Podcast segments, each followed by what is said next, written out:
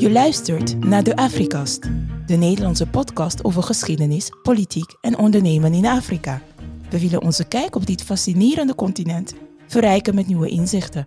Blijf luisteren. Amerika is een bezige bij in de internationale betrekkingen. In competitie met China, in proxyoorlog met Rusland en intussen een Europees kinderklasje in het gareel houden dat niet wil luisteren met pestkoppen als Orbán en Duda.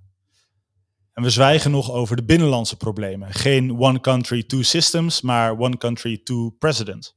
Veel om je druk over te maken. Maar in augustus bracht Blinken toch een bezoek aan drie Afrikaanse landen. Toen Blinken in Pretoria werd gevraagd of hij hier was om de Russische invloed te bestrijden, of de Chinese, zei hij gewoon dat Afrika de toekomst heeft. Zonder te blikken of te blozen. Nou, ik wil wel weten, met zoveel binnenlandse problemen en zoveel focusgebieden buiten de grenzen, wat heeft Amerika nou echt te zoeken in Afrika? Mijn naam is Jos Hummelen en tegenover mij zit voor de Afrikast een eh, voor de Afrikast luisteraar een onbekende stem, namelijk die van Niels Mulder, bestuurslid van de Jonge Atlantici. Niels, tof dat we in Den Haag bij jou eigenlijk te gast mogen zijn. Hey Jos, leuk dat jullie er zijn. Niels, eh, hebben jullie bij de Jonge Atlantici genoeg over de rol van Afrika in de wereld? Te weinig eigenlijk. Ik merk dat wij als Jonge Atlantici veel gericht zijn uh, op de transatlantische relaties, maar toch veel op het noordelijk halfrond van de wereld. We zijn bijvoorbeeld wel bezig met iets over de Sahel, de veiligheidsproblematiek die daar bezig is, maar te weinig. Oké, nou tof uh, dat je dat gelijk al zegt. We hebben trouwens wel een aflevering gemaakt over de Sahel, dat was leuk. Iemand die uh, volgens in ieder geval onze redacteur van dienst, Ruben Elands, het wel genoeg over Afrika heeft, is Jaap Verhul. Bijzonder hoogleraar transatlantische betrekkingen aan de Radboud Universiteit en universitair hoofddocent aan de Utrecht Universiteit. Welkom meneer Verhul. Ja, leuk om hier te zijn. Dankjewel. Ja, uh, ik zag dat jij, want ik mag jij zeggen, dank daarvoor. Ik zag dat je uh, na jouw afstuderen in de VS bent gaan werken. Is toen ook de transatlantische vonk overgeslagen? Ja, die was er al lang. Ik uh, ben tijdens uh, mijn studie niet op uitwisselingen gegaan. Een enorme fout die ik de studenten die nu meeluisteren gelijk meegeef. Maar als jonge medewerker ben ik voor het eerst naar Boston gegaan, of om precies te zijn naar Waltham, waar de Brandeis University was ja, sindsdien is die vonk nooit meer weggegaan. En Boston blijft voor mij altijd zo'n fantastische mooie plek. Daarna heb ik een Fulbright gedaan in uh, Philadelphia, wat fantastisch is. En uh, met uh, onze jonge kinderen zijn we naar Florida, Los Angeles en New Hampshire geweest. Ja, dat zijn allemaal mooie momenten dat je daar les kan geven en tegelijk het Amerikaanse leven kan um, leren kennen. En dat zijn hele belangrijke momenten, niet alleen privé, maar natuurlijk ook voor mijn uh, vakuitoefening geweest. Ja, Boston en Philadelphia vond ik ook echt van die steden die je een keer, ja, dat gevoel moet je een keer hebben meegemaakt of zo. Vooral Philly, echt, uh, echt een Amerikaanse stad. Ja, Philly is heel ruig hè? en heeft ook een hele ruige buurt. En ik herinner me ook dat de campus was omgeven door een gebied dat toen niet zo heel erg veilig was. Een van de eerste dingen die ik kreeg van de International Office daar was een fluitje in de kleuren van de universiteit. En ze zeiden, als er iets gebeurt, blaas hierop. Toen dacht ik, oei, dat is dan uh, het fluitje waar ik mijn laatste adem in ga uitblazen. dat is het moment dat er allemaal van die alarmknoppen op de campus kwamen en van die uh, security uh, systemen. En dat is allemaal hartstikke intimiderend. Dat is natuurlijk ook een beetje Amerika. Daarna ben ik dus naar Los Angeles geweest, heb ik les gegeven aan UCLA ook zo'n enorme intimiderende omgeving, Los Angeles, met heel veel verkeer en heel veel ja, stille dreiging. En ik heb nooit iets van echte bedreiging uh, gevoeld. Maar het idee dat er elk moment een aardbeving kan komen of iets vreselijks kan gebeuren. Ja, dat is ook wel een beetje Amerika, zou ik maar zeggen. Veel in Amerika geweest? Ook wel in Afrika? Nee, nog niet. Dus ik, uh, Helemaal niet? Nee, ik zie dit ook als een uh, grote voorbereiding op mijn lange reis door Afrika. Oh, wij gaan jou voorbereiden? Ja. Ah, mooi. nou, dan gaan we Niels. maar je weet natuurlijk wel heel veel over de geschiedenis. Um, als we het over Afrika hebben, wat zijn de historische relaties tussen Amerika en Afrikaanse landen? Ja, dat is zo'n ontzettend goede vraag, omdat uh, Amerika uh, begonnen is eigenlijk met de ontmoeting tussen drie culturen. Het zijn natuurlijk de oorspronkelijke bewoners uh, in het Amerikaanse continent, die al uh, vele millennia waren. Uh, en dan kreeg je de Europese kolonisten, maar die namen uh, eigenlijk vrij snel een derde groep mee, namelijk de slaafgemaakten uit Afrika. En dat is die ontmoeting van culturen, om het maar eens heel vriendelijk uit te drukken, want dat was natuurlijk helemaal geen vrijwillige ontmoeting. die uh, de Amerikaanse cultuur en ook heel erg de Verenigde Staten als natie bepaald heeft. Historici zeggen wel eens dat de Verenigde Staten gebaseerd is op twee misdaden. Dat is namelijk de misdaad jegens de oorspronkelijke bevolking en de misdaad van de slavenhandel. En daar is wel iets voor te zeggen, omdat je ziet dat beide uh, aspecten nog steeds uh, in het cultureel besef van Amerika een hele belangrijke rol spelen. Dus Afrika is vanaf de vroegste geschiedenis verbonden via de slavenhandel, maar ook cultureel en ook in zekere zin politiek. En dat gaat op best grote aantallen. die, de zogenaamde Mid-Atlantic Passage, dat zijn natuurlijk miljoenen slaafgemaakten. en naar Noord-Amerika zijn ongeveer 400.000 slaafgemaakten vervoerd hè, naar de zuidelijke kolonie en later de zuidelijke staten van de Verenigde Staten. Die hebben daar natuurlijk een hele belangrijke stempel opgedrukt.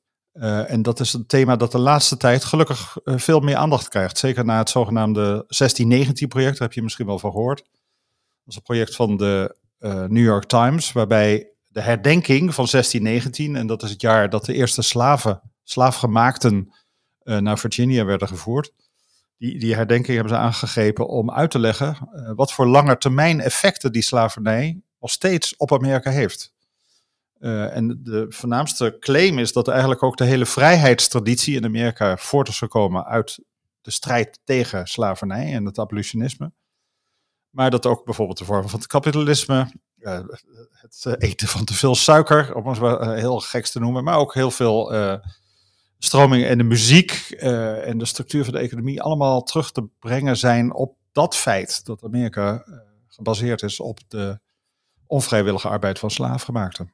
Wauw, dat gaat echt heel erg ver. Ja, en het is ook heel controversieel, uh, omdat de Republikeinen, en met name Trump, hebben ze gekeerd tegen dat bewustwordingsproces. Ja, dat werd een beetje in de woke-hoek geduwd. Werd in de woke gedrukt. vies. En uh, in sommige staten wordt het zelfs verboden op scholen om dat jaar 1619 uh, aandacht te geven. Ja. En Trump heeft uh, een 1776-commissie in het leven geroepen om de Declaration of Independence als ja, startpunt van. Hè?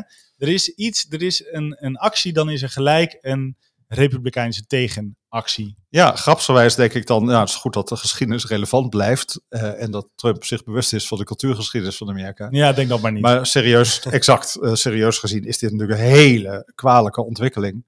Dat zulke belangrijke aspecten van de Amerikaanse cultuur en geschiedenis uh, be bewust door de Republikeinen, hè, want het zijn met name Republikeinen, met name fundamentalistische Republikeinen, um, uit het debat worden gehouden.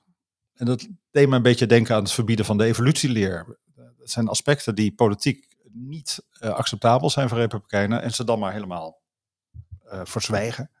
Ja, die um, Afro-Amerikanen, ja, voelen zich die nog verbonden met het Afrikaanse continent op een of andere manier? Ja, en dat is eigenlijk een, een, een vrij weer recente ontwikkeling. Voor lange tijd heeft de Civil Rights Movement zich juist geconcentreerd op integratie. Uh, en die richtte zich op de Founding Fathers en op de Amerikaanse samenleving van de jaren 50 en 60 en wilde gewoon meedoen. Uh, en daarin was het benadrukken van de Afrikaanse wortels eigenlijk niet zo uh, voor de hand liggend. Maar het grappige is dat in de jaren 60, halverwege de jaren 60, toen de Civil Rights Movement eigenlijk de belangrijkste formele doelen had bereikt, de emancipatiebeweging een meer radicale koers gaat varen en de, Amerikaanse, de Afrikaanse identiteit gaat benadrukken. Dus je krijgt een Black Power beweging die uh, zich verzet juist tegen integratie en uh, een soort separatisme begint te bepleiten dat gebaseerd is op eigen zwarte trots. Nou, en daarin wordt Afrika een heel belangrijk onderdeel. Okay. Je ziet dat uh, civil rights leiders, bijvoorbeeld Malcolm X, goed voorbeeld, die gaan dan naar Afrika om zich te laten inspireren. Ja. Die maken lange reizen aan het eind van de jaren 50, begin de jaren 60. en je ziet ook dat binnen die Afro-Amerikaanse gemeenschappen Afrikaanse muziek, en dus heb ik het niet over jazz, maar echte Afrikaanse muziek, uh, aandacht kreeg. Maar ook je zag het in kleding en haarstijl en uh, kleurgebruik. Kleurgebruik. En dat is allemaal iets dat uh, uit de tweede helft van de jaren 60, maar vooral in de jaren 70 komt. en nooit meer weg is gegaan. Dus je ziet dat Afrika een soort inspiratiebron is geworden voor een hele belangrijke groep, groep Afro-Amerikanen. Ja, vriend van Malcolm X, Muhammad Ali, ook een hele belangrijke cultuurdrager in Amerika. Ging ook rond diezelfde tijd een tour maken. Ja. Natuurlijk veel moslimlanden. Ja, en je ziet dat uh, dat teruggrijpt op een wat eerdere beweging. Uh, reggae was natuurlijk al belangrijk uh, via Jamaica, maar ook de belangstelling voor Ethiopië en Haile Selassie. Dat is iets dat je al eerder in die gemeenschappen ziet. Maar ja, vanaf van het midden van de jaren 60, begin jaren 70 wordt dat een heel breed gedragen beweging. Die Afrika centraal neemt. En dat is natuurlijk wel een Afrika dat imaginair is. En vaak ook teleurstellend. Hè, want je weet dat heel veel van die reizigers, als ze dan in het echte Afrika aankwamen, iets heel anders tegenkwamen dan ze zich verbeelden. Dat geldt bijvoorbeeld voor Malcolm X. Die kwam diep teleurgesteld terug eigenlijk. Ja, maar, en, maar niettemin was het een belangrijk uh, inspiratiemoment. wat ik leuk vind, uh, wat je zegt, is dat reggae, hè, dat ze dan de Messias, hè, dus de verlosser, dat ze die verwachten uit Ethiopië. Ja. En dat dat dan eigenlijk een behoorlijk normale slash redelijk teleurstellende koning is, namelijk Haile Selassie. Uh, van, uh, van, van, van Ethiopië. Nou, hier moet ik je toch corrigeren. Die, die hij was vergoddelijkt. Ja, maar hij was helemaal niet teleurstellend. Hij was bovendien keizer. Kom op. En, uh, maar hij vlucht zijn land uit. Tijdens de Tweede Wereldoorlog. Maar hij is juist door, en dit is interessant, door de Amerikanen weer terug naar Ethiopië gebracht. En de Amerikanen hebben hem gesteund met, met landlease voorzieningen. En hij is een enorme fan geworden. Niet alleen van Engeland, waar hij tijdens de oorlog verbleef, maar ook van Amerika. Er zijn prachtige foto's nee, van als mens, ons, als mens is het een toffe, toffe peer, misschien of misschien niet. Maar als god valt hij toch een beetje tegen. Nou, uh, daar ga ik niet over. Wij wel. Nee, het belangrijkste, is, het belangrijkste is dat hij een hele belangrijke inspiratiebron tot zijn dood is gebleven. Ja, natuurlijk is het zo dat mensen dat eh, is eigen aan goden, ook wel eens teleurgesteld zijn in de macht die ze uiteindelijk hebben. Maar uh, het heeft Ethiopië wel tot een heel belangrijk land gemaakt voor de, voor de Verenigde Staten. En uh, ook als uh, cultureel ideaal. Want het was het enige Afrikaanse land dat een eigen keizer had. En die, dat zelfstandig was. Want in die tijd waren alle andere Afrikaanse landen natuurlijk nog Europese koloniën. En dat is een heel belangrijk verschil met, met Ethiopië. Niels, je wilde tussendoor komen en ik was je echt brute wijze aan het onderbreken. Nee, nou, ik, ik zat ook heel erg te denken aan The Nation of Islam. Want dat was natuurlijk binnen de Civil Rights Movement wel een hele interessante ingeving. Dus dat is met zelfs het idee om dan een eigen staat, of in ieder geval een eigen staat binnen de Verenigde Staten op te richten. Ja, nou dat is ontzettend interessant, omdat de Nation of Islam bewust de islam centraal nam. Uh, en dat, die deed dat om afstand te nemen, nemen van het christendom, dat ze verweten uh, medeplichtig te zijn aan de slavernij. Of dat nou helemaal zo is, uh, kan je eh, betwijfelen. Want ook het abolitionisme was natuurlijk op datzelfde christendom gebaseerd. En ook de islamieten vanuit het Midden-Oosten die deden ja, die weer Ja, dat klopt ook. Maar uh, niettemin was het een bewuste poging om niet alleen een nieuwe godsdienst, maar inderdaad ook een nieuwe culturele identiteit te verbreiden. Die uh, ja, bijna als een separatistische een nationale identiteit zou functioneren in, in Amerika met eigen cultuur, maar ook vooral vanuit trots. Hè? Want de Nation of Islam was bekend omdat de leiders zich heel netjes kleden en naar hun werk gingen, witte overhemden, st uh, strak gestreken droegen. Om maar duidelijk te maken dat ze uh, niet het stereotype volgden dat in Amerika voor zwarte gold. Maar trots waren en heel succesvol konden worden, maar ook vooral sterk. En dat zie je ook bij de Black Power Movement, maar ook bij de Black Panthers die zich gaan uh, wapenen. Ook volgens een Amerikaanse traditie eigenlijk. Ja, letterlijk wapenen. En dat vonden natuurlijk witte Amerikanen heel erg spannend. En die gingen ook zeggen, nou, die, die zijn wel heel agressief. Ja. Maar die hadden van die mooie kostuums met uh, eh, NOI ook erop en zo. Ja, dat vond ik wel te gek. hey, ik uh, krijg in mijn linker oortje te horen dat we binnenkort een miniserie gaan maken over Haile Selassie. Dus uh, zeker ook even terug luisteren. Ik wil eventjes met je het over het volgende hebben. Want Liberia, is eigenlijk een heel bijzonder land om er even uit te lichten als we het hebben over relaties tussen Afrika en uh, Amerika. Um, volgens mijn redacteur komt dat van het woord liberty. Het is een uh, Afrikaans land met een nou, bijna Amerikaanse vlag. Het is ook heel apart dat die, als je al die vlaggen van West-Afrika uh, naast elkaar zit, dan valt die echt op, rood, wit, blauw. Ze hebben een dollar en de hoofdstad vernoemd naar een Amerikaanse president, namelijk James Monroe. Namelijk Monrovia. Vertel daar eens wat over. Ik weet daar helemaal niks over. Nou, het is een heel problematisch land, omdat uh, Liberia gesticht is uh, door Amerikanen die de slavernij wilden afschaffen, maar tegelijk zich tot doel hadden gesteld om de zwarte Amerikanen terug te brengen naar Afrika. Het is een terug naar Afrika beweging, de Back to Africa movement, die heel erg sterk was. Eigenlijk al vanaf het eind van de 18e eeuw, maar bijzonder het begin van de 19e eeuw. En als oplossing voor de slavernij hadden dat uh, slaven uh, vrijgemaakt zouden, slaafgemaakten werden vrijgemaakt en daarna terug uh, naar Afrika gebracht. En om dat te faciliteren werd inderdaad een kolonie gesticht, Liberia genaamd, met financiële steun van de Amerikaanse overheid. En er zijn daadwerkelijk vanaf 1820, 1830 uh, duizenden gezinnen teruggebracht, tussen aanhalingstekens, want ze kwamen natuurlijk helemaal niet uit dat gebied, naar Liberia. En het is een totale mislukking om twee redenen. Omdat het natuurlijk aangeeft dat die vrije zwarten geen plek zouden hebben in Amerika en dat ze terug moesten. En maar dat is niet gedwongen, toch? Uh, niet gedwongen, maar uh, er zijn ongeveer 4.000, 5.000 uh, vrije zwarte teruggegaan naar Afrika via die colonization movement, zo heette dat. Maar um, er werden ook ongeveer 7000 slaafgemaakten bevrijd op voorwaarde dat ze naar Liberia zouden gaan. Dus daar is de, ah. de, de keuzevrijheid wat minder. Maar het is een enorme mislukking. Niet alleen omdat dat ideaal helemaal haak staat natuurlijk op een uh, integratie en een multiculturele uh, ideaal van de samenleving. Die later wel bij het radicale abolitionisme werd verbreid. Maar ook omdat de omstandigheden in Liberia echt heel erg penibel waren. En ik geloof dat ongeveer de helft van de mensen die daarheen gingen overleden is binnen een, binnen een generatie. Dus uiteindelijk zijn er nooit meer dan ongeveer 5000 uh, mensen in Liberia geweest. Met een af, afkomst uit de Verenigde Staten. Desalniettemin um, heeft de Verenigde Staten altijd wel een band gevoeld met Liberia. Het is natuurlijk een heel tragisch en in zekere zin ook een failed state, een mislukt land. Maar er, er, zijn inderdaad nu nog steeds uh, families die daar wonen, die achtergrond hebben in de Verenigde Staten hey, maar daar was toch iets, neem ik aan. Daar, wonen toch mensen, daar was iets van een land of een onderdeel van een land. Wat was Liberia voordat Liberia was? Nou, het is een land aan de, eh, aan de, eh, aan de Ivoorkust.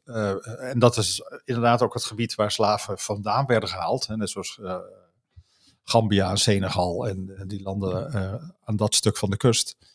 Maar daar woonden natuurlijk gewoon Afrikaanse stammen dat land bezaten. Dus dat is wel absoluut heel erg problematisch. Maar dit is in een tijd dat Afrika op grote schaal, met name door Europa, opgedeeld werd. Uh, zoals je weet was er de Scramble for Africa in de 19e eeuw.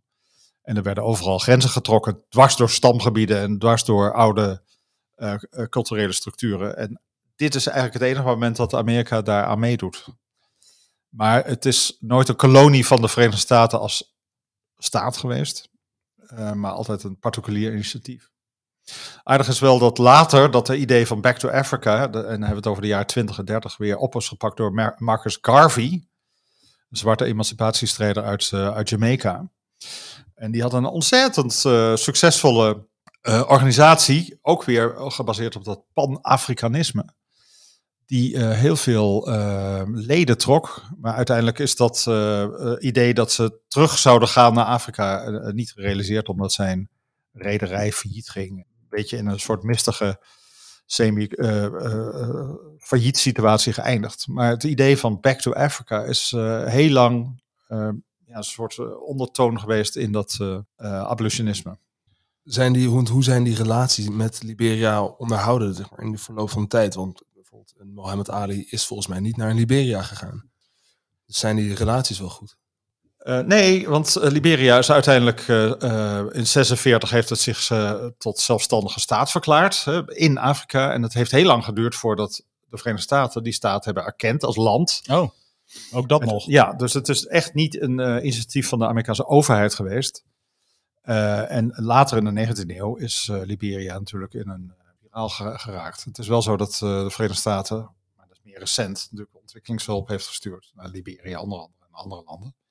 Maar het is nu een ontzettend probleemgebied, omdat er allerlei rebellen uh, in Liberia zijn die de democratie ondermijnen. Dus op de agenda van de Verenigde Staten nu is Liberia, eh, zit het aan de kant van zorgenkinderen. En niet iets waar de Verenigde Staten heel erg trots op wil zijn. Te meer omdat, zoals ik al zei, de achtergrond van dat hele kolonisatie-idee een soort negrofobie was het idee dat uh, vrije zwarte geen plek zouden moeten hebben in de Verenigde Staten. Dus dit is een, ja, een zwarte bladzijde um, in de Amerikaanse uh, emancipatiegeschiedenis, moet je zeggen. Hey Niels, hoe lekker zit jij in je voetbalfeitjes? Oeh, ik ben eh, een aantal jaar geleden gestopt met voetballen. Ja, maar En dan- sindsdien dan- ben- is je het hoeft niet te voetballen, kan ik je vertellen. Oud eh, voetballer van eh, de wereld, George Weah, eh, volgens mij spits van AC Milan, is volgens mij nu nog, dat is hij ook al een poosje, president van dit land.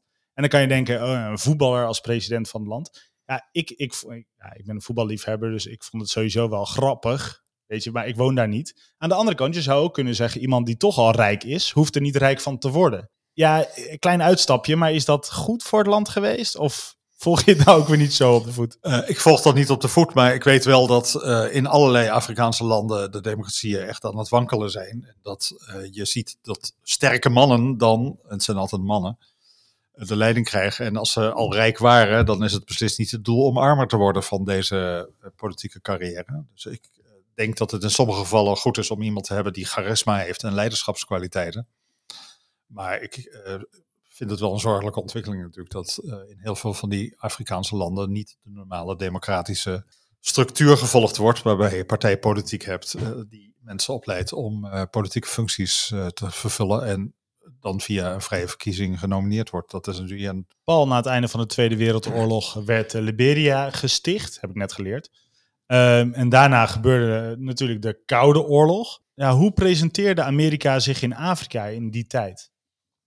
Nou, dat is wel interessant, omdat eh, tijdens de Koude Oorlog eh, Amerika aan de ene kant de dekolonisatie eh, heel erg verdedigde en Europese landen vaak ook aanmoedigde of dwong om die dekolonisatie toe, toe te staan.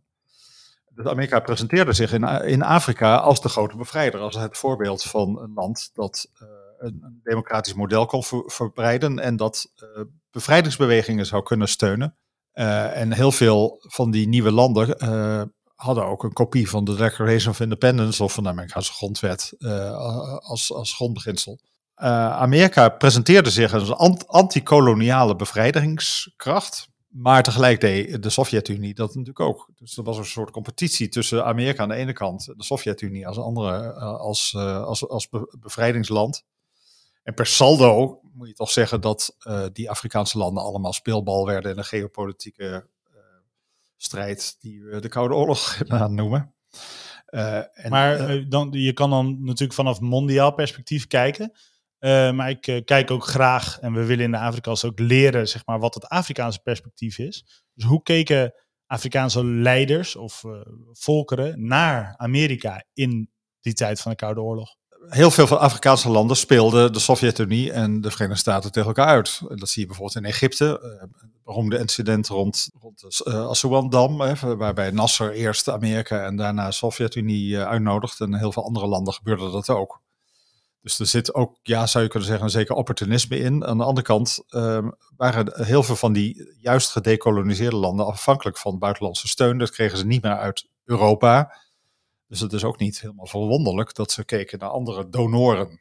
Uh, en uiteindelijk is dat spel uh, tot de dag van vandaag zichtbaar. Het is niet, niet uh, zozeer Rusland, maar natuurlijk China die de tegenspeler is van Amerika.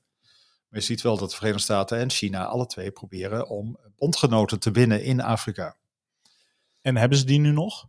Ja, die hebben ze alle twee uh, heel veel. Uh, en uh, Amerika, en daar hebben we het natuurlijk zo meteen over, probeert die banden met die bondgenoten in Afrika opnieuw uh, gestalte te geven op een meer egalitaire basis.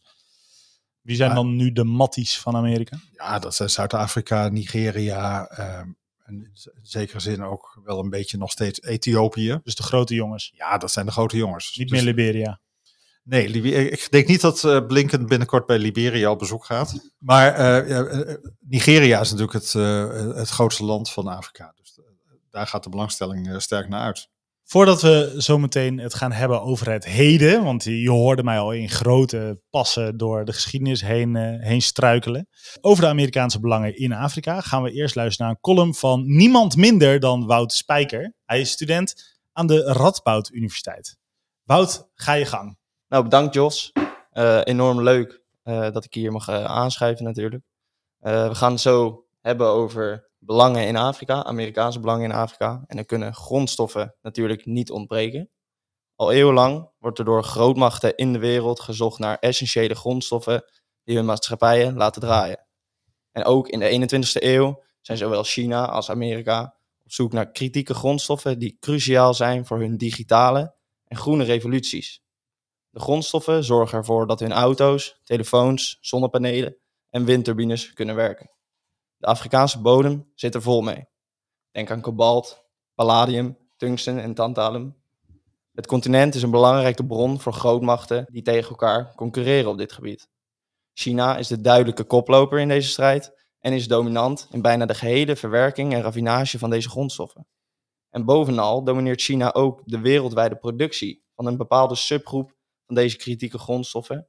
En dat zijn de zeldzame aardmetalen. Dit is een verzamelnaam voor 17 soorten metalen die essentieel zijn voor diverse duurzame, civiele, maar ook militaire technologieën. Dit maakt dat de Amerikaanse defensieindustrie dus ook bijna geheel afhankelijk is van China op dit gebied. Met de snel toenemende vraag van deze metalen en de verslechterde Chinees-Amerikaanse relaties wil de VS dus zo snel mogelijk af van deze afhankelijkheid. En dit is waar Afrika in beeld komt. Ondanks dat daar nu nog weinig van dit soort aardmetalen gewonnen worden, heeft het wel enorm veel potentie op dit gebied. Er wordt gedacht dat Afrika meer dan de helft van 's werelds carbonatieten bezit. Dit is een gesteente waar je eigenlijk als eerst naar kijkt als je op zoek bent naar zeldzame aardmetalen. En de plek waar deze aardmetalen uiteindelijk gevonden zullen worden, zullen geheid onderdeel worden van de geopolitieke strijd. Een strijd die nu al gaande is, waarin China domineert, de VS achterloopt en Afrika steeds meer het strijdtoneel lijkt te worden. En dan vraag ik mezelf af, gaat Afrika dan weer gebukt onder de zogeheten resource curse of de grondstoffenvloek? Het zou niet de eerste keer zijn in de geschiedenis. Of kunnen ze deze vloek dan toch opheffen en ervoor zorgen dat ze dit keer wel profiteren van deze revolutie? Ik zie wel kansen. Afrika zou wel eens de oplossing kunnen zijn voor de Amerikaanse afhankelijkheid van China. En Afrika kan hier ook mogelijk van profiteren. Het verminderen van de afhankelijkheid van China is namelijk veel waard voor de Amerikanen. Hier mag dan ook wel wat tegenover staan.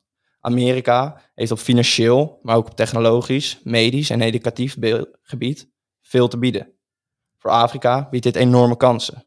Daarom denk ik dat het juist goed zou zijn als Amerika inzet op Afrika als alternatieve partner voor deze aardmetalen. En de nadruk moet hier natuurlijk wel liggen op gelijkwaardige samenwerking. Afrika moet goede gelijkwaardige voorwaarden afdwingen en via bijvoorbeeld joint ventures de winsten binnen de grens houden. Ze hebben desnoods de sleutel voor de Amerikaanse issues en kunnen daarom het heft in eigen handen nemen. Waarmee ze ervoor kunnen zorgen, in mijn mening, dat de grondstoffen die ze bezitten dit keer geen vloek worden, maar juist een zegen. Ja, de resource curse, maar de resource blessing. Dus Afrika als uh, sleutel tot onafhankelijkheid van China. Hoe kijk jij daarnaar? Nou, uh, Wout heeft daar natuurlijk helemaal gelijk in dat die uh, grondstoffen een hele belangrijke rol spelen. Ik denk dat het niet het enige is wat Amerika nu in Afrika zoekt, maar het is waar dat grondstoffen en energie, dat zijn natuurlijk hele zeldzame dingen op de wereldmarkt.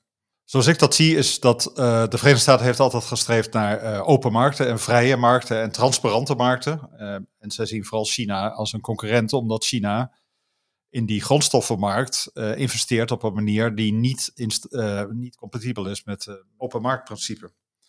Dus een van de dingen die de Verenigde Staten probeert te doen, die markt transparant en gelijk te krijgen wat je zegt klopt. Die, die grondstoffen worden van waanzinnig strategisch belang. Je zal zien dat niet alleen de Verenigde Staten, uh, China en Rusland, maar ook Europa zich op een gegeven moment daarmee moet gaan bemoeien. Die zeldzame metalen komen niet veel verder natuurlijk in de chipindustrie en in allerlei andere geavanceerde ontwikkelingen, zoals uh, energie-efficiënte ba batterijen. Ja, voor zowel, zowel de klimaattransitie als de digitale transitie. We moesten nog even terug naar de geschiedenis, want we zijn nog niet helemaal klaar. Uh, Niels, hoe zit jij in je kennis van Amerikaanse presidenten? Daar zit ik op zich redelijk in. John F. Kennedy? JFK. Ja? Nou, oké. Okay. Ja, ja, Want daar moest het wel in. ja. Dat vond ik zelf wel leuk. Ja. maar, maar, daar moest het ook nog even over hebben. Want we zaten vlak voordat uh, Wout begon.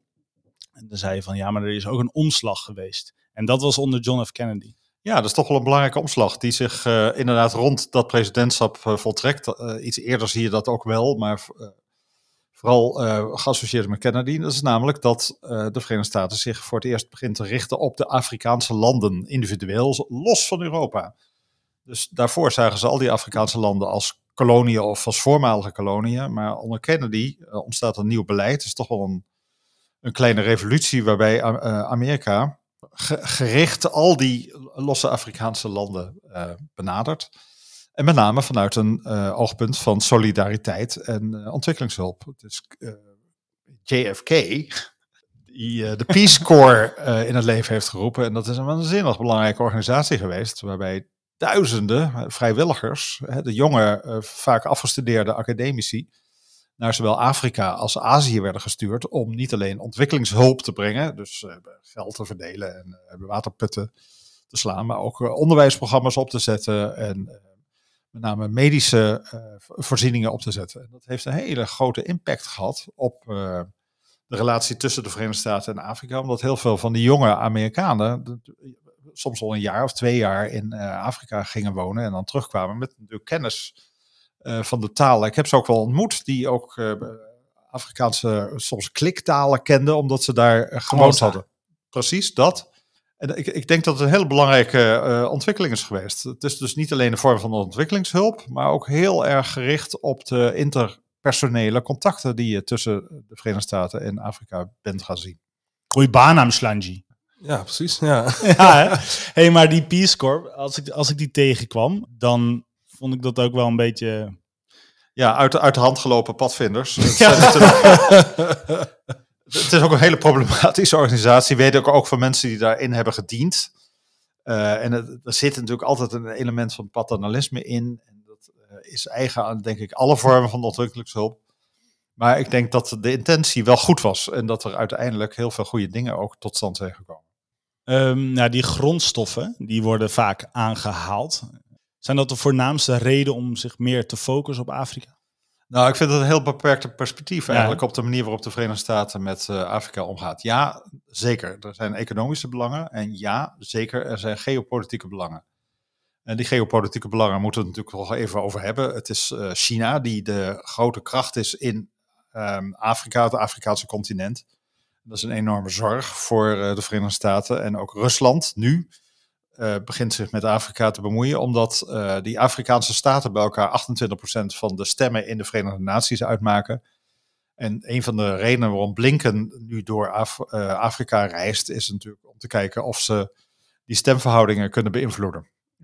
heel recent is natuurlijk gestemd in de Verenigde Naties over de Russische invasie in de Oekraïne. En gelukkig voor de Verenigde Staten heeft geen enkel Afrikaans land zich tegen die die uh, motie gekeerd. Maar heel veel Afrikaanse landen hebben zich wel onthouden van stemming. Ook Eritrea niet? Ik weet het niet. Ja, Eritrea vond het een heel strak plan volgens mij. Of in ieder geval zo'n dwaas land.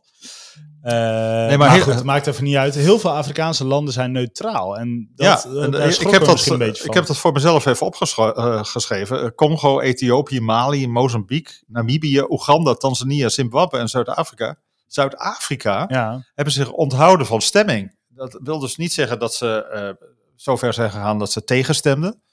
Maar dit is voor uh, de Verenigde Staten wel een heel belangrijk signaal dat ze die uh, landen, en met name Zuid-Afrika, wat wel een hele belangrijke democratische bondgenoot is voor de Verenigde Staten, dat ze zo'n land in de gaten moeten houden. Ja, ik leg heel even uit voor onze luisteraars, want we hebben het nooit over de Verenigde Naties. De Verenigde Naties hebben een algemene vergadering, de General Assembly, dat is in New York. En dan is het one country, one vote. Dus elk land kan uh, stemmen of zijn resolutie steunen of niet. Dat is geen internationaal recht. Dat is gewoon een soort van mening van de wereld. We vinden dit tof of we vinden dit niet tof. En in dit geval is er een resolutie, die is ingediend, ter stemming gebracht. En daarin werd de, uh, het invallen van de Russen in Oekraïne werd over het algemeen wel uh, veroordeeld. Maar gaan we natuurlijk ook kijken naar landen die zich neutraal hielden of uh, dat juist uh, een goed plan vonden. Heb ik het zo goed uitgelegd? Dat is absoluut waar. En dit is een ontwikkeling die je eigenlijk ziet vanaf die dekolonisatie. daarvoor was de Verenigde Naties heel erg een verlengstuk van zowel Europa als de Verenigde Staten. Maar sinds al die onafhankelijke landen in de Verenigde in, in de algemene vergadering, maar ook in de Veiligheidsraad van de Verenigde Naties een stem hebben, uh, zie je dat uh, de stemverhoudingen soms heel erg tegen het Westen gaan. Uh, en dat heeft mede ertoe bijgedragen dat de Verenigde Staten heel erg ook teleurgesteld is geraakt in de slagkracht van de Verenigde Naties. Maar ze proberen dat, met name democratische regeringen, proberen dat te compenseren door heel veel positieve diplomatie naar die landen te sturen en in gesprek te blijven en proberen achter de intenties en bedoelingen van de Verenigde Staten te krijgen. Maar het is voor de Verenigde Staten een heel, moeizaam diplomatiek proces geworden, ja volgens mij is er recentelijk is er ook weer een, wederom een stemming geweest. Dus na, na de inval nu ook over eentje over de annexatie. Maar die was, dacht ik, wel wat werd door meer landen strenger afgekeurd. Ja, er waren minder uh, onthoudingen. Minder onthoudingen, ja. ja. Het is ook een iets meer bizarre situatie dat je een land binnenvalt en dan zegt, hé, hey, die, uh, die horen eigenlijk bij ons. Ja. maar, maar, dan, maar dan zie je dus wel, zie je dan al wel een verschuiving, dus dat, dat men er dus wel op wellicht positiever tegen het Westen aankijkt. Of in ieder geval minder negatief naar Rusland. Uh, minder negatief naar Ja, ja er voltrekt zich nu een verschuiving in de richting van de Verenigde Staten en uh, van Europa. Heel langzaam. Ik, ik, ik heb het hier niet precies voor me, maar er zijn een aantal landen die nu uh, gewoon mee hebben gestemd. En minder landen die tegen hebben gestemd. Maar het is een heel erg lastig diplomatiek proces. We hadden het net over Blinken, die ging naar Afrika en die ging naar een aantal landen. In hoeverre heeft het ook te maken met de invloed van Rusland en China op het continent? Nou, daar wordt heel veel over gespeculeerd. Uh, dus in de negatieve pers uh, over Blinkens uh, reis wordt gezegd, ja, dat is een hele late reactie. Hè. Hij reist eigenlijk achter Lavrov aan. Had hij veel eerder moeten doen. Ik denk dat dat... Ehm, Lavrov is de minister van Buitenlandse Zaken van Rusland. Die ja. En ik denk dat dat eh, de Verenigde Staten tekort doet. Het is zo dat deze reis was al langer voorbereid. Het is gebaseerd op een, een, een strategisch notitie van, uh, van Biden. Dit is niet iets dat je in, in, een, uh, in een nacht schrijft. Uh, hier is heel lang aan gewerkt. En er is duidelijk vanuit de Verenigde Staten ehm, een, een nieuw beleid onderweg naar Afrika. En een van de redenen waarom Blinken naar Afrika ging, is om uit te leggen wat de Verenigde Staten in de toekomst met dat Afrikaanse continent aan wil. En ik denk dat de samenvatting eigenlijk is, niet zozeer dat ze die grondstoffen willen hebben en dat ze die stemmenverhouding willen keren. Nee, maar dat ze Afrika echt onderdeel willen maken van de liberale wereldorde. En dat is een veel groter uh, agendapunt, denk ik, dan die uh, pure geopolitieke belangen. Voor de uh, luisteraar, de, de, de, liberale wereldorde gaat over democratie, gaat over de rechtsstaat, gaat over de vrijheid van de meningsuiting. En dat gaat over, dat is een term die Amerika heel veel gebruikt, over open samenlevingen, open societies. En dat is in Amerika een soort codewoord voor. Vrije pers. Ja, dus eh, dat is een codewoord voor uh, het tegengaan van autoritaire, totalitaire regimes. Ja, dus dat is ook de blik van Biden op de wereld. Hè? Absoluut. En een open samenleving, ik denk, uh, is iets waar we heel goed met z'n allen over moeten nadenken. Want dat gaat niet alleen over inderdaad democratie, de rechtsstaat, vrijheid van meningsuiting. Maar ook over diversiteit. Het gaat over LGBTQ-bewegingen die zich um, in uh, Afrika moeten kunnen bewegen. En het gaat over ja, de vrijheid van de pers, maar ook de structuren die daarachter liggen. De instituties. En, en de instituties die die open samenlevingen dragen. En, je wordt in één keer heel enthousiast. Nou, ik vind het belangrijk om dat te benadrukken, want uh, de Verenigde Staten is hier bezig met een agenda die ik denk uh, aansluit bij wat Europa moet willen met Afrika. Het is uh, zo dat je langzamerhand begint te zien dat er in de, in de wereld een aantal modellen ontstaan die elk in zekere zin proberen mensen aan hun kant te krijgen. En ik denk dat het model wat uh, Europa en de Verenigde Staten samen hebben, is dat model van die open samenlevingen. En waarom gaan ze dan specifiek langs bij de Democratische Republiek Congo, Rwanda en Zuid-Afrika? Ja, Zuid-Afrika gaan ze langs omdat uh, de Verenigde Staten een hele lange, uh, rijke geschiedenis heeft met Zuid-Afrika. Dat is natuurlijk een land wat aanvankelijk een apartheidsregime had, dat voor heel veel Amerikanen erg lijkt op het segregatiebeleid van het zuiden. Uh, maar daarna natuurlijk, uh, onder uh, Mandela, een soort modeldemocratie leek te gaan worden. En Amerika ziet heel erg graag dat Zuid-Afrika een democratische bondgenoot van de Verenigde Staten blijft. en is dus heel erg betrokken bij het lot van de democratie. En je, je, je ziet dat ehm, door die lange problematische geschiedenis Zuid-Afrika een, uh, een, hele sterke symbolische waarde heeft voor Amerika. Oké, dus eh, Zuid-Afrika is nog eh, een soort van in-between. Het is nog niet is aan het werken aan zijn democratie. Sinds Mandela wordt er ook alleen maar op eh, Af- African National Congress gestemd. Ja. Dus eh, tja, eh, tijd voor DA zou ik zeggen trouwens, mocht je kunnen stemmen in eh, Zuid-Afrika. Eh, maar waarom zou je dan naar Rwanda gaan, het China van Afrika? Ja, je gaat naar Rwanda, denk ik, omdat dat een trauma is voor eh, de Verenigde Ah. Staten. Rwanda is natuurlijk eh, het gebied waar een van de grootste genocides heeft plaatsgevonden in en de 1994. Tutsis? Ja, dus daar hebben de, de Tutsis, of er zijn ongeveer 800.000 à een miljoen Tutsis vermoord door, de, door de regering gesteunde Hutus. Eh, en dat gebeurde eigenlijk onder de ogen van het Westen, van de Verenigde Naties, maar ook onder de ogen van de Verenigde Staten. En Nou, dat- als je hier meer over wil weten, kijk dan de film Hotel Rwanda. ja, dat, dat klopt. En, maar je, je ziet dat dat in de Amerikaanse diplomatie tot een enorm trauma heeft geleid. En de, de, de stemming is eigenlijk met name bij de Democraten dat nooit meer. Het is met name Samantha Powers, de, de, de ambassadeur eh, eh, van Clinton bij de Verenigde Naties. eh, en de auteur van een prachtig boek over genocide, namelijk A Problem from Hell. Dat zij de stem is geweest, van, geworden van dat besef dat de Verenigde Staten dat nooit meer mag toelaten. En ze zijn eh, eh, heel erg betrokken nu bij Rwanda, omdat in Rwanda natuurlijk weer allerlei onrust is, dat door Congo wordt gesteund. Of, eh, so- sorry, de, de, de, ja, het is eigenlijk een, een, een, eh, een grensoverschrijdend conflict waarbij Congo en eh, Rwanda elkaars rebellen steunen. Ik denk dat je het daar zo eigenlijk het beste kan zien. Ja, dus de rebellen vanuit Rwanda, die gaan in het Virunga-gebied in Ja. Oost-Congo Congo en houden zich erop.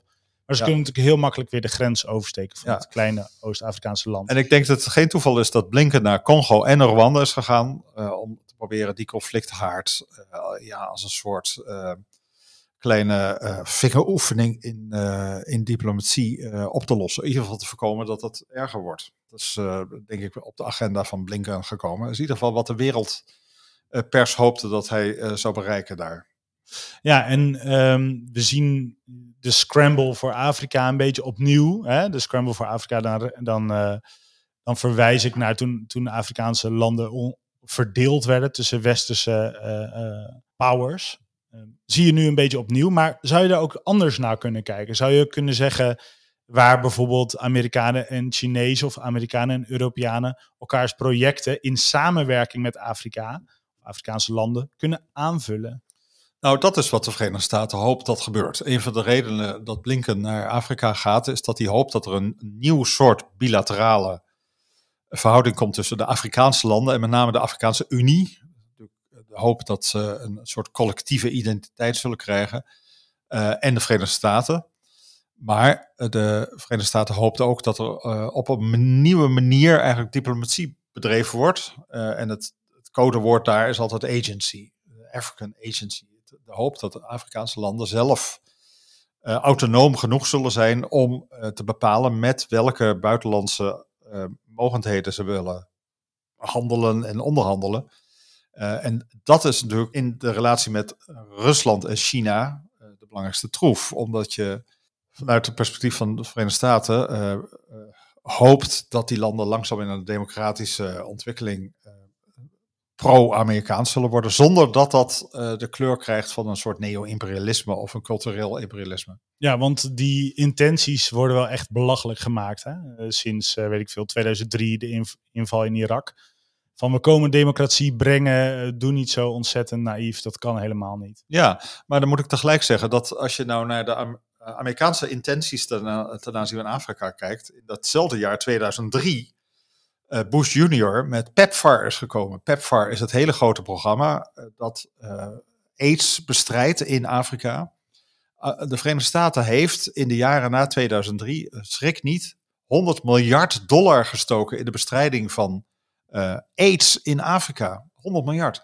Uh, op het ogenblik heeft ehm, de Verenigde Staten ongeveer militaire steun aan de Oekraïne toegezegd van ongeveer 20 miljard. Even om een grote orde hier weer te geven.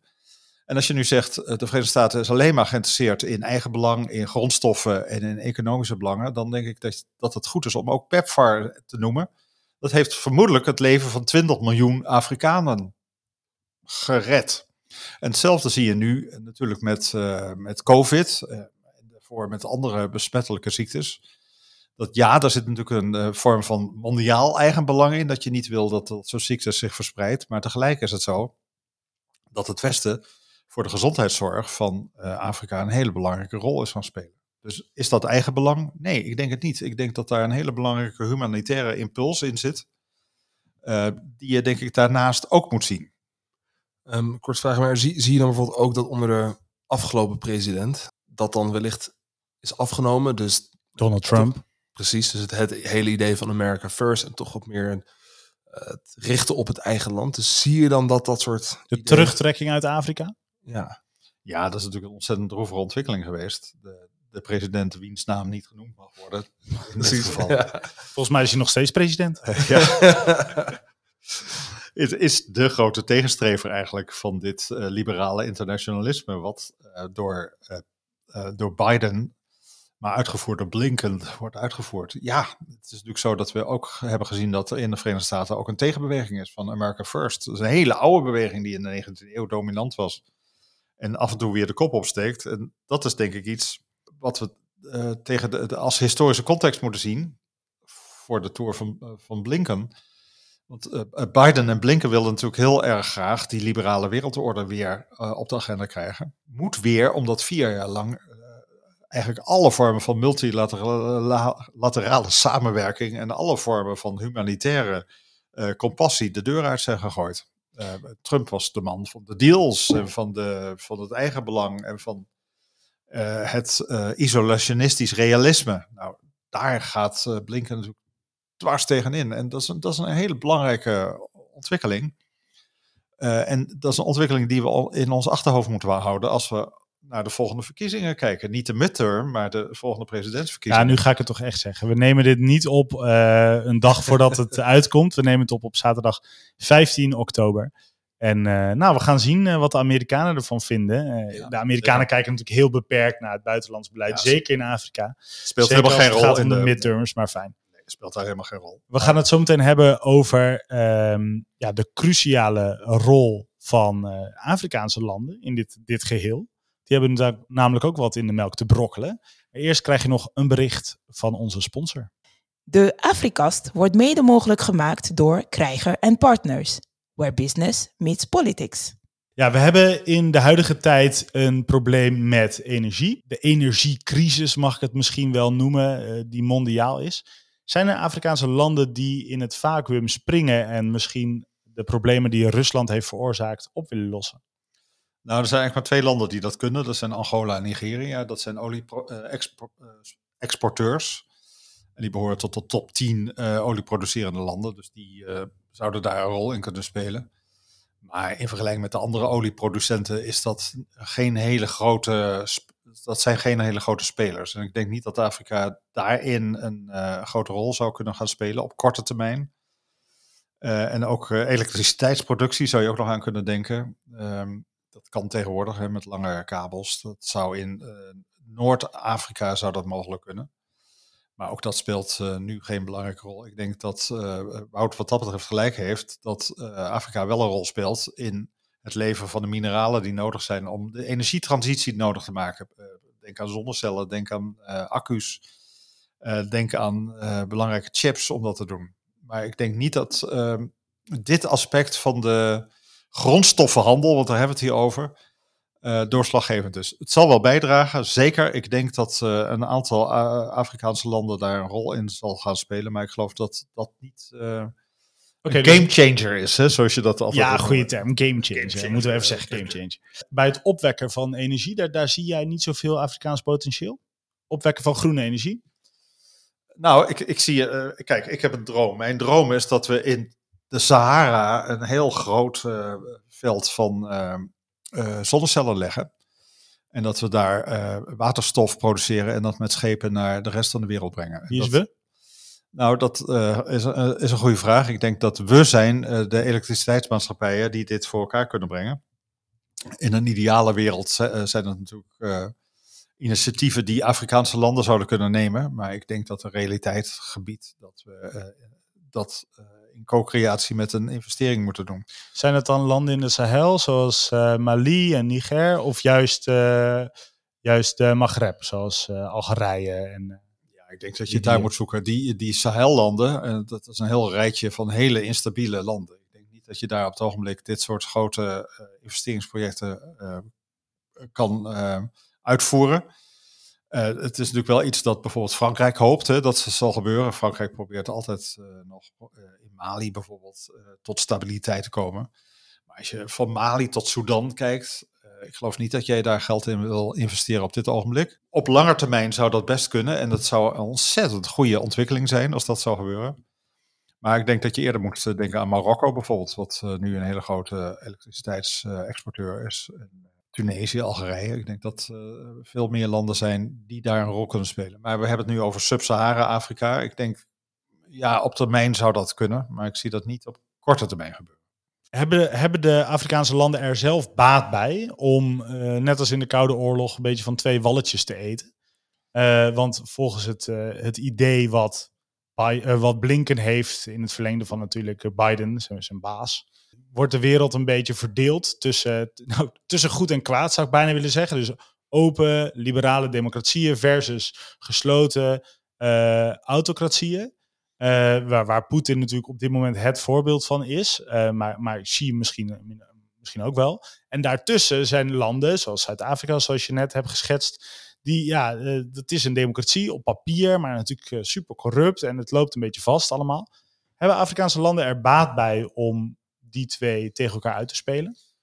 Nou, kijk, vanuit een uh, oogpunt van de liberale internationale idealen uh, niet natuurlijk, maar in de praktijk zal de verleiding uh, wel bestaan. we hebben dat natuurlijk in, de geschiedenis heel veel gezien, is dat veel gebeurd. Egypte is een goed voorbeeld, dat ik net al noemde. Congo ook. Ethiopië, waar je steeds regimes krijgt die wisselen en van de Verenigde Staten overschakelen naar de Sovjet-Unie of naar China en weer, en weer terug ja, goed. Eh, eh, eh, het is niet aan mij om het belang van die Afrikaanse landen in te schatten. Maar ik denk niet dat het tot hele grote stabiliteit gaat leiden als dit spel blijft doorgaan. En daarom benadrukt, denk ik, ook de Verenigde Staten heel erg het belang van continuïteit en voorspelbaarheid. Dus zo'n woord dat alsbaar klinkt. Hè. Maar hoe meer stabiliteit, hoe beter dat is voor de economie en voor de wereldeconomie. En, ja, toch? Dat is zo natuurlijk. Hey, en uh, vanuit, ja, ik, je zei net, het is niet aan mij om, om hun, maar goed, je kan natuurlijk wel iets van hun belangen schetsen. Heeft Afrika Amerika nodig of juist meer andersom? Het is altijd allebei, maar ik, ik zal even schetsen wat hier aan de hand is. Afrika staat voor een heel groot aantal uitdagingen. De belangrijkste uitdaging is eigenlijk vrede. Er zijn ontzettend veel regionale conflicten. Uh, er is uh, terrorisme, er is fundamentalisme, er zijn allerlei failed states. Uh, met lokale strijders. Dus de democratie staat onder druk. Er is ook sprake van een hele grote bevolkingsexplosie. En dat is niet alleen kwantitatief, maar je ziet uh, enorme verstedelijking. Waarbij die steden, zoals Lagos, uitgroeien tot grote probleemgebieden. Die tot toenemende ongelijkheid leiden en jeugdwerkloosheid. En daardoor juist weer tot migratie. En dan is er nog de klimaatuitdaging. Dat zijn allemaal uitdagingen waar ik denk de Verenigde Staten een hele belangrijke rol kan spelen. Want wat wil Afrika? Stabiliteit en vrede, uh, economie. En wat betekent dat? Investeringen, uh, ontwikkelingshulp. Op het ogenblik is natuurlijk Amerika wel de belangrijkste bilaterale donor van Afrika. Uh, technologie, medische zelfstandigheid, onderwijs. Dat zijn allemaal dingen waar de Verenigde Staten in het verleden een hele belangrijke rol speelden. Je had het over, over, dus over het belang van vrede. Um, ik kom zelf uit een ook uit, ik kom zelf uit de veiligheidswereld van Defensie. Um, ik weet dat Amerika bijvoorbeeld een Africa Command heeft. Denk je dat daar een rol voor is weggelegd? Of denk je nou, de rol van de krijgsmacht hoeft niet zo groot te zijn? Ik denk dat je uh, moet kijken naar de piramide van Maslow. Uh, je kan pas gaan opbouwen als er veiligheid is en zekerheid. En uh, als je iedereen een, daarna een huis kan bieden en daarna voedsel. En, maar helemaal onderaan die Maslow-pyramide zit absoluut veiligheid en zekerheid. Dat je kan gaan opbouwen en dat je um, kan gaan investeren. Dus eh, ik zie absoluut de noodzaak daarvan in. En ik denk dat we helemaal in, de wereld nu met de Russische inval in Oekraïne hebben gezien hoe belangrijk militaire veiligheid is. En met name uh, collectieve, collectieve veiligheid. Ik denk dat dat, dat is, dat is, daar is helemaal geen twijfel over.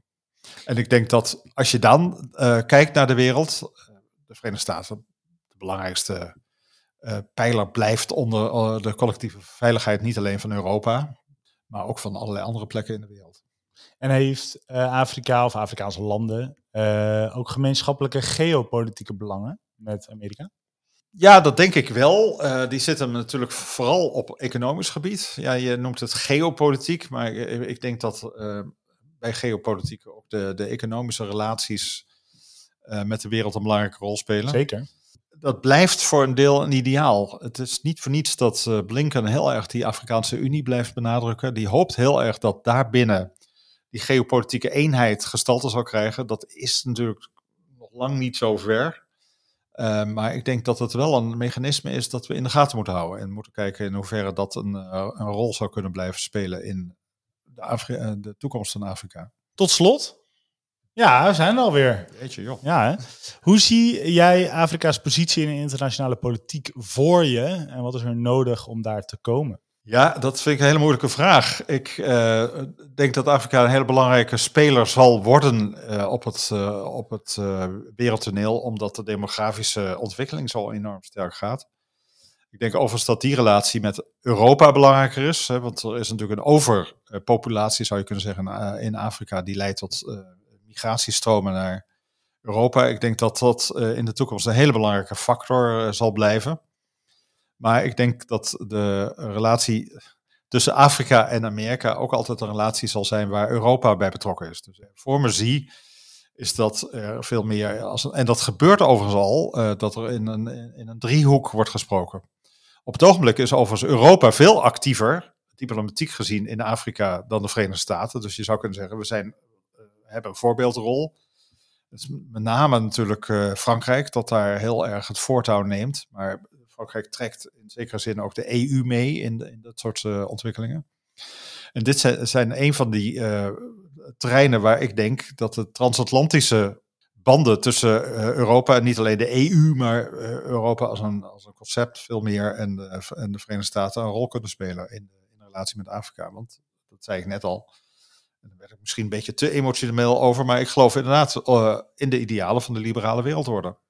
En ik denk dat die een hele grote belofte inhouden voor Afrika. En ik denk dat Europa en de Verenigde Staten samen een aantal van die idealen uh, zou kunnen realiseren in relatie met um, Afrika. En ik denk wat Blinken nu doet hartstikke goed is, namelijk proberen tot een gelijkheid te komen en de, Amerikaanse, de Afrikaanse stem, zoals hij dat noemt, beter te laten klinken.